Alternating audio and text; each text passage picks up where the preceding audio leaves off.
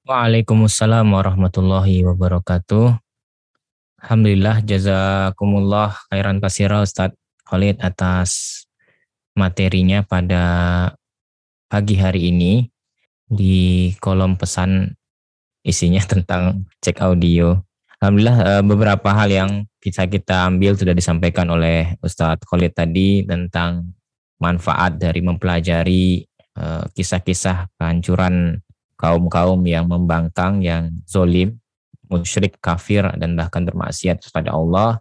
Dan bagian dari upaya untuk agar manusia khawatir, takut ya untuk melakukan kemaksiatan, eh, melakukan kesyirikan kepada Allah Subhanahu wa taala dan yakinlah umat-umat yang zolim terdahulu hancurkan dihancurkan oleh Allah, mendapatkan siksanya di dunia dan itu akan terjadi juga pada umat-umat yang sekarang atau yang ke depan. Kalaupun tidak disiksa di dunia maka dia akan mendapatkan azab di di akhirat kelak. Dan sesungguhnya sesembahan-sesembahan yang mereka kira bisa memberikan manfaat sungguhnya justru malah menambah uh, mudorot menambah uh, kerusakan bagi diri mereka sendiri di kolom pesan tidak ada uh, pertanyaan Bapak Ibu semua, tidak ada yang ingin bertanya.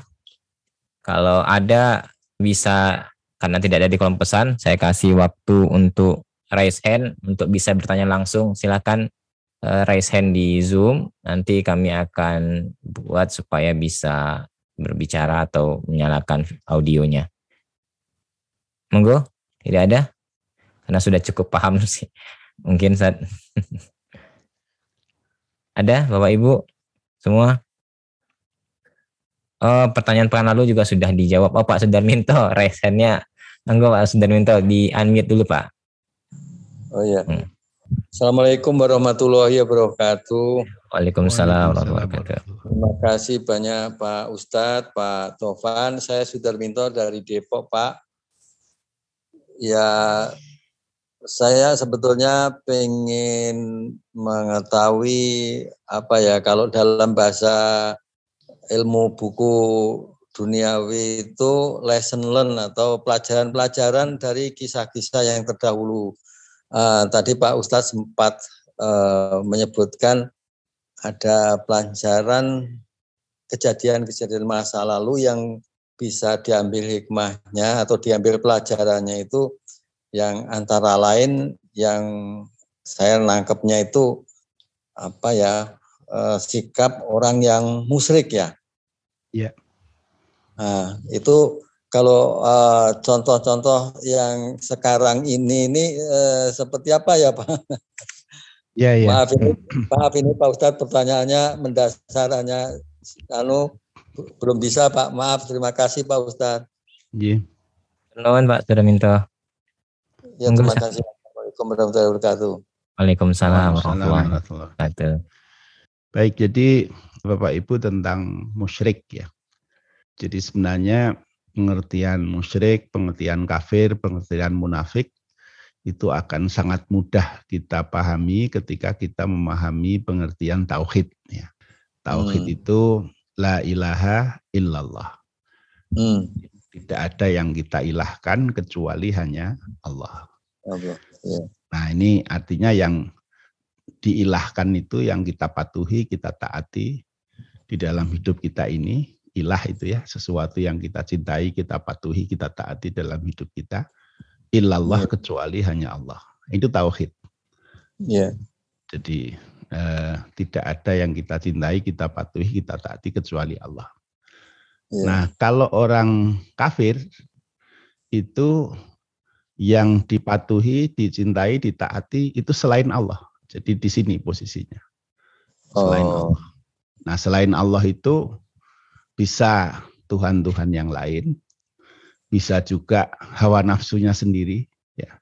Oh. Jadi dia hidup patuh taat hanya kepada hawa nafsunya. Iya. Sebagaimana yeah. Allah berfirman, "Aro'aita manittakhadha ilahahu hawahu." Coba Anda perhatikan orang yang menjadikan hawa nafsunya menjadi ilahnya.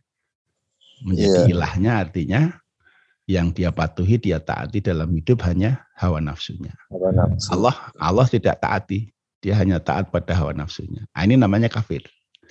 Oh. Nah, kalau syirik itu Allah disekutukan dengan yang lain.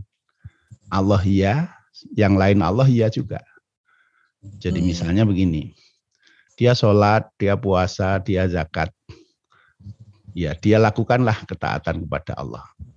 Tetapi ternyata dia berdoa juga kepada Nyiro Kidul, dia hmm. berdoa kepada gunung-gunung, ke batu-batu, kepada benda-benda yang dikeramatkan. Nah ini artinya Allah dan selain Allah diiyakan semua.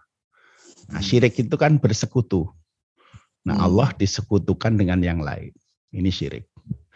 Gitu. Jadi kalau tauhid itu la ilaha illallah. Kalau kafir itu ilahnya selain Allah, Allahnya ditolak. Tidak taat pada Allah, dia taat pada yang lain. Kalau syirik itu Allah iya, selain Allah diiyakan juga. Hmm. Nah, ini syirik. Ya. Kalau munafik, nah itu anu la ilaha ula wa la ilaha ula. Ledaliti. Kalau bahasa Jogjanya itu ledaliti. Jadi ya tergantung situasi gitu. Jadi ah. kalau di lingkungan yang kafir dia kafir, di hmm. lingkungan hmm. yang beriman seolah-olah beriman, hmm. di lingkungan musyrik dia musyrik. Nah, fleksibel. Nah, itu munafik gitu ya, nifak ya. Nah, itu ya. seperti itu. Nah, jadi pengertian pengertian syirik, kafir, munafik itu sangat mudah dipahami ketika kita memahami tauhid itu apa. Hmm. Jadi tauhid itu hanya ya. Allah yang kita taati dalam hidup kita. Kalau kafir itu selain Allah yang dia taati dalam hidupnya. Kalau syirik itu Allah ditaati, selain Allah ditaati juga. Nah, kalau ya. munafik itu tergantung pada situasinya begitu. Nah, itu pengertiannya begitu. Siap, ya. Iya Pak Ustadz. Terima kasih banyak Pak Ustadz. Lain kali izin tanya-tanya juga. Boleh, boleh silakan. Ya, Matunun. Iya, Matunun. Sama-sama terima kasih banyak Pak Sudarminto. Pertanyaan berikutnya di kolom pesan Ustaz, bagaimana dari Pak Hasto Utomo, bagaimana cara menghadapi orang yang anti terhadap dakwah? Ya, ya dilakukan pendekatan ya. Jadi pendekatan dengan cara yang baik ya. Jadi di dalam dakwah itu ada at-taklif qabla at-taklif. Jadi at-taklif itu maksudnya allafa yu'allifu taklif ya. Itu dibangun ikatan personal dulu secara baik. Nah, kemudian kedekatan personal itu dijadikan sebagai wasilah untuk mengajak kepada kebaikan. Nah, itu yang yang perlu dilakukan. Jadi ya orang didekati dulu ya, didekati dulu, di dicari cara untuk orang bisa berkomunikasi dengan baik. Nah, kemudian setelah terbentuk saluran komunikasi yang baik, nah itu digunakan untuk menjadi saluran dakwahnya gitu. Nah karena itu cara-caranya ini bisa banyak ya. Nah termasuk misalnya kalau Bapak Ibu perhatikan di dalam uh, asnaf zakat itu ada yang disebut sebagai mu'alaf wal mu'allafati qulubihim. Ya. Itu maksudnya siapa? Jadi yang disebut mu'allafati qulubihim itu orang-orang yang kafir. Tetapi dengan diberi bagian dari zakat itu bisa jadi mereka menjadi lunak hatinya untuk kemudian lebih mudah menerima dakwah. Nah itu ya. Jadi istilah istilah mu'alaf mu'alafati kulubihim di dalam asnaf zakat itu bukan orang mukmin. Ya, bukan orang mukmin. Itu orang yang justru belum beriman tetapi diharapkan dengan pendekatan diberi bagian zakat ya. Nah, itu diharapkan bisa melunak hati mereka untuk mudah menerima dakwah atau sekurang-kurangnya tidak menghalangi eh, dakwah itu. Nah, kita sering menggunakan istilah mu'alaf itu orang sudah masuk Islam ya. Jadi orang sudah masuk Islam itu mu'alaf. Bahkan sudah berpuluh-puluh tahun masuk Islam mengatur juga saya ini mu'alaf gitu. Ya kalau begitu sahabat mu'alaf semua dulu. Kan sebelumnya sebelumnya tidak ada yang Islam gitu ya. Ya, tapi tidak ada mu'alaf itu yang Umar bin Khattab itu ya begitu masuk Islam, mu'alaf berapa tahun jadi komandan perang gitu. Jadi jadi jangan mu'alaf terus ya, mu'alaf terus sampai berpuluh-puluh tahun menyebut dirinya mu'alaf gitu ya. Tapi saya kembali kepada pokok soalnya bahwa aslinya mu'allafati kulubihim itu bukan orang muslim. Tetapi orang non-muslim yang diharapkan akan terikat hatinya melalui pendekatan itu. Nah itu salah satu dari jalan di dalam dakwah itu. Nah, karena itu dakwah itu dilakukan taklif dulu ya, taklif. Jadi bagaimana membangun ikatan-ikatan personal yang baik dengan calon-calon objek dakwah itu. Kemudian kedekatan-kedekatan hubungan baik itu kemudian dioptimalkan untuk menjadi pintu memasukkan nilai-nilai dakwah. Wallahualam. Saya kira itu prinsipnya begitu. Nah mungkin secara teknis bisa bermacam-macam caranya ya. Baik. Makasih Ustaz mungkin juga didoakan ya Ustaz ya seperti ya, doa Nabi kepada orang Taif ya Ustaz ya. Terima kasih Ustaz. Berikutnya pertanyaannya Ustadz mohon saran dari Pak Rohmadi Yudi Utomo. Mohon saran Ustadz cara menanamkan tauhid kepada anak sejak dini. Matur nuwun. Mungkin ini perlu ahli khusus ya tentang pendidikan anak ya. Nah, tetapi anak ini salah satunya adalah pembiasaannya, pembiasaan dengan hal-hal yang memang menunjukkan prinsip tauhid itu. Jadi prinsip tauhid ini tauhid ini kan bukan sekedar konsep, tetapi lebih kepada pendalaman terhadap makna dan kemudian mewujudkannya di dalam perilaku. Nah, di bagi anak-anak itu ya ya mungkin di pemahaman itu tidak terlalu dominan ya di anak-anak ya.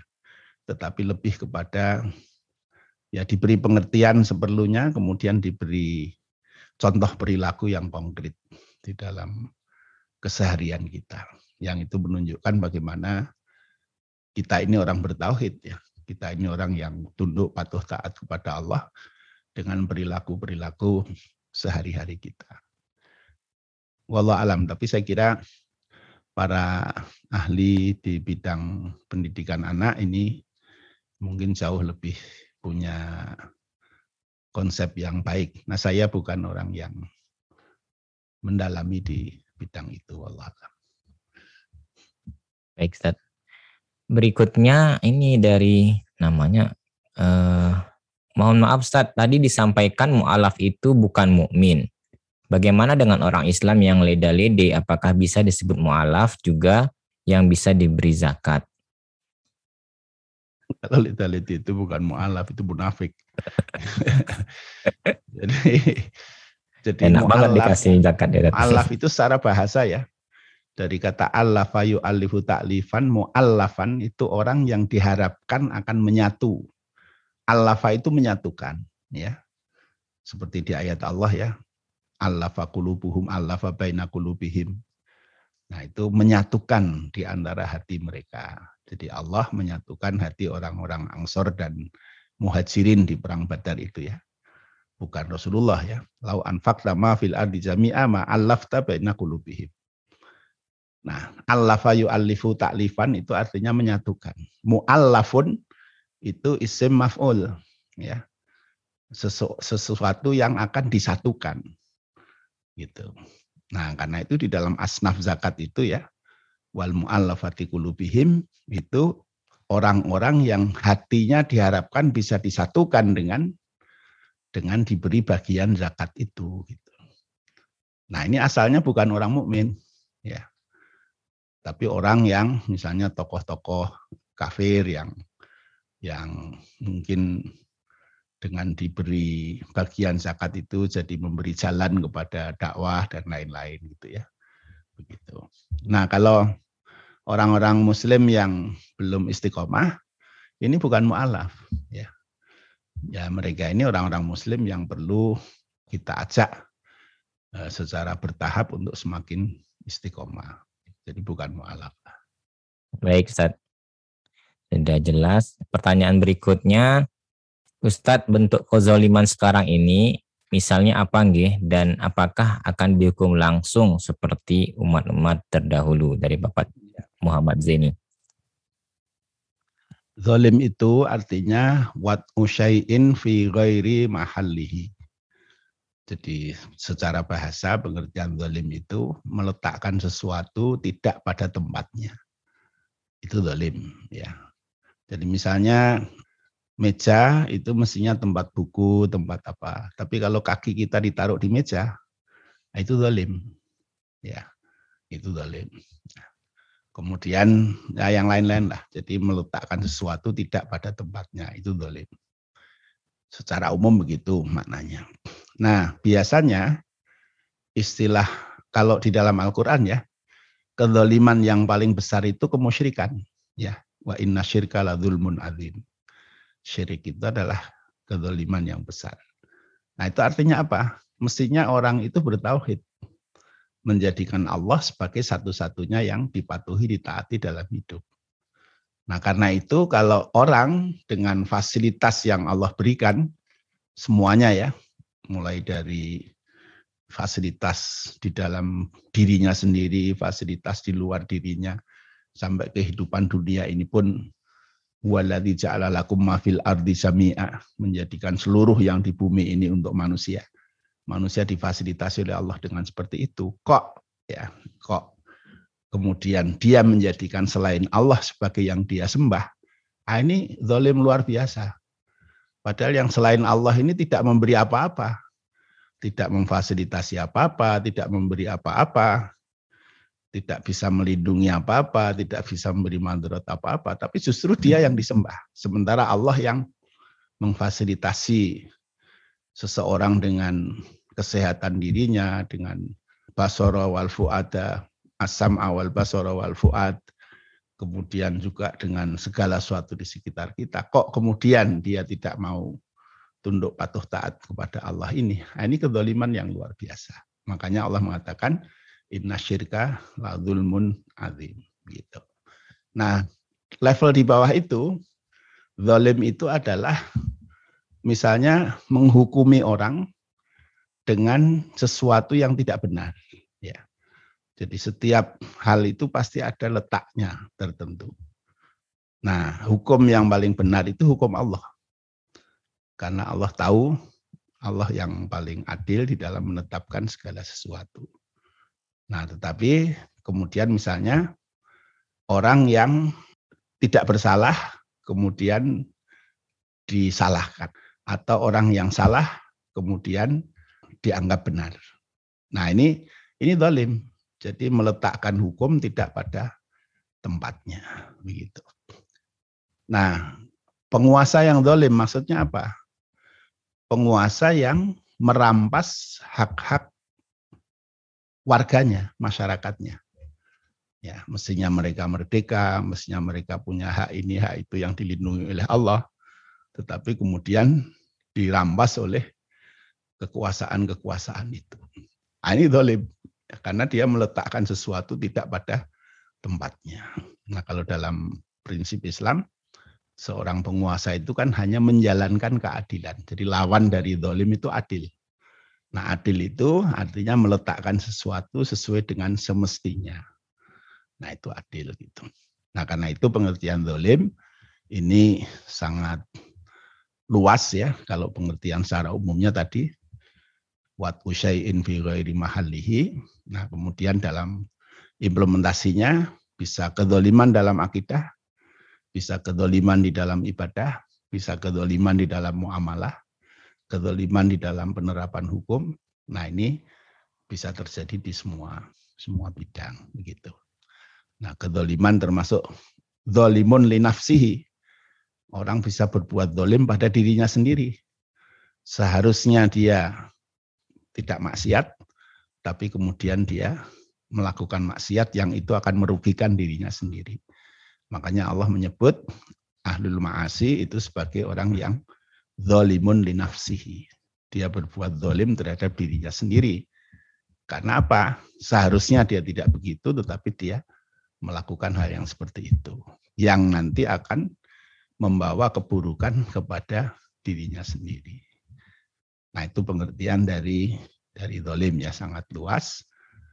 Nah kemudian yang sering kali orang pahami dolim itu selalu kekuasaan ya. Padahal sebenarnya bukan hanya itu, tetapi bisa orang itu dolim dari sisi akidahnya dengan kemusyrikan, dengan kemunafikan. Nah, kemudian, nah termasuk di dalamnya kekuasaan yang memang tidak adil, itu namanya dolim. Nah apakah orang-orang dolim ini akan dihukum langsung seperti dulu? Kalau bab menghukum ini prerogatifnya Allah ya. Jadi ya mungkin ada sebagian dari mereka yang dihukum di dunia ini, ada sebagian mereka yang ditunda hukumannya sampai di akhirat ya. Nah, tetapi pasti setiap kedoliman yang tidak diikuti dengan taubat yang baik, ya itu pasti akan berisiko pada orang-orang dolimnya itu. Pasti itu. Pertanyaan berikutnya, Ustaz ya. Yuk. Ustadz, mengapa yang ini ya, yang para Ustadz sebenarnya penangkapan Ustadz dan sebagainya sudah dijawab sebagian oleh Ustadz Khalid ya. Baik, pertanyaan berikutnya, mengapa Nabi Musa bisa pingsan ketika melihat Allah di Gunung Sinai dan Nabi Muhammad tidak pingsan ketika berjumpa dengan Allah? Kenapa ya? Enggak tahu Ustaz. Saya enggak di sana waktu itu Ustaz soalnya. Nanti kalau ketemu Nabi Musa lah kita tanya ya. ya Tapi peristiwanya berbeda ya. Jadi kalau kalau kasus Nabi Musa itu kan memang beliau pengen melihat Allah. Ya. Kemudian oleh Allah dijawab, kalau kamu bisa lihat Gunung Sinai itu tetap pada tempatnya, maka kamu akan lihat Allah. Nah begitu Nabi Musa melihat itu Gunung Sinai, ternyata kan begitu ya, ah, beliau kaget. Nah ya pingsannya itu kalau pingsan ya Allah yang menghendaki pingsan. Nah kalau Rasulullah ini sebenarnya Rasulullah tidak melihat Allah sebagaimana Nabi Musa juga tidak melihat Allah. Ya. Nah tapi hanya kalau Nabi Muhammad ini kan di Sidrotil Muntaha ya, itu di tidak sampai beliau melihat Allah. Ya. Itu dan itu kan kisah perjalanan gitu ya perjalanan sejak dari Mekah ke Masjidil Aqsa kemudian diperjalankan ke dimikraskan ya gitu. Kalau mau pingsan ya sejak di Mekah itu. Jadi ketika dia tiba-tiba diperjalankan dengan kecepatan tinggi ke Masjidil Aqsa ya mestinya pingsan dulu itu kalau mau pingsan. Tapi ya Allah tidak kehendaki beliau pingsan ya tidak pingsan. Wallahualam. Tapi uh, intinya sebenarnya tidak ada keterangan di dalam Al-Quran, di dalam hadis, kenapa Nabi Musa pingsan, kenapa Rasulullah tidak pingsan gitu ya. Ya, baik dari Bu Ana, Ustadz menuhankan hawa nafsu itu contoh konkretnya seperti apa? Kalau orang sudah disebut kafir, apakah harus memperbaharui syahadatnya? Dua pertanyaan Ustaz ya, ya dengan orang yang sama. Istilah Allah ittakhadha ilahahu hawahu. Jadi mempertuhan hawa nafsunya. Nah ini apa makna ilah itu? Ilah itu sesuatu yang dicintai oleh seseorang, dipatuhi, ditaati, ditakuti, itu ilah. Karena itu ilah ini bisa apa saja. Bisa apa saja ya. Yang termasuk dicontohkan oleh Allah, ilah itu hawa nafsunya. Artinya apa? Orang yang hidupnya itu hanya cinta patuh taat pada hawa nafsunya, ya itulah dia. Ittakhadha ilahahu hawahu. Jadi yang dia ikuti hanya hawa nafsunya. Nah itu namanya ittakhadha ilahu hawahu gitu. Jadi mempertuhan hawa nafsunya. Bukan dia menyembah dalam arti sujud-sujud kepada hawa nafsu, enggak. Tapi maksud dari ilah di situ adalah sesuatu yang dia cintai, dia patuhi, dia taati dalam hidupnya itu ya hawa nafsunya itu. Itulah ittahoda ilahahu hawahu. Nah karena itu kalau kita menyatakan la ilaha illallah, tidak ada yang kita ilahkan kecuali Allah, itu maknanya hidup kita ini memang hanya cinta patuh taat kepada Allah. Nah, sehingga terbukti di dalam perilaku kita itu adalah perilaku yang menunjukkan kita ini orang yang cinta patuh taat hanya kepada Allah. Nah begitu jadi ilah itu. Jadi nah bahwa kita sholat sujud kepada Allah itu hanya bagian saja eh, salah satu bagian saja sebagai wujud kepatuhan kita kepada Allah. Tapi bukan hanya itu. Misalnya kita menutup aurat, kita berkata-kata yang baik, nah kita beribadah dengan benar, kita berakhlak dengan baik, kita mengajak orang lain ke jalan kebaikan, nah, itu adalah bagian dari eh, representasi dari sikap taat kita kepada Allah. Nah, itu sebagai wujud atau ekspresi ya dari ketaatan kita kepada Allah. Nah, seorang mukmin ini semua perilakunya adalah ekspresi dari ketaatan kepada Allah. Misalnya ketika dia berbakti pada orang tua, itu bukan karena orang tuanya, tapi karena ketaatannya kepada Allah. Ketika dia berbuat baik pada tetangga, bukan karena tetangganya baik, tapi karena ketaatannya kepada Allah.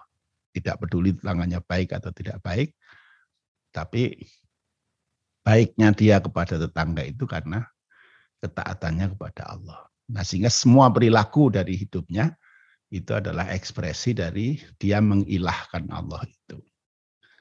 Dia tunduk patuh taat kepada apa yang diajarkan oleh Allah bukan karena yang lain, ya bukan karena yang lain. Nah, begitu juga orang yang mengilahkan hawa nafsunya, artinya perilaku dia itu ya menunjukkan dia hanya menuruti hawa nafsunya saja.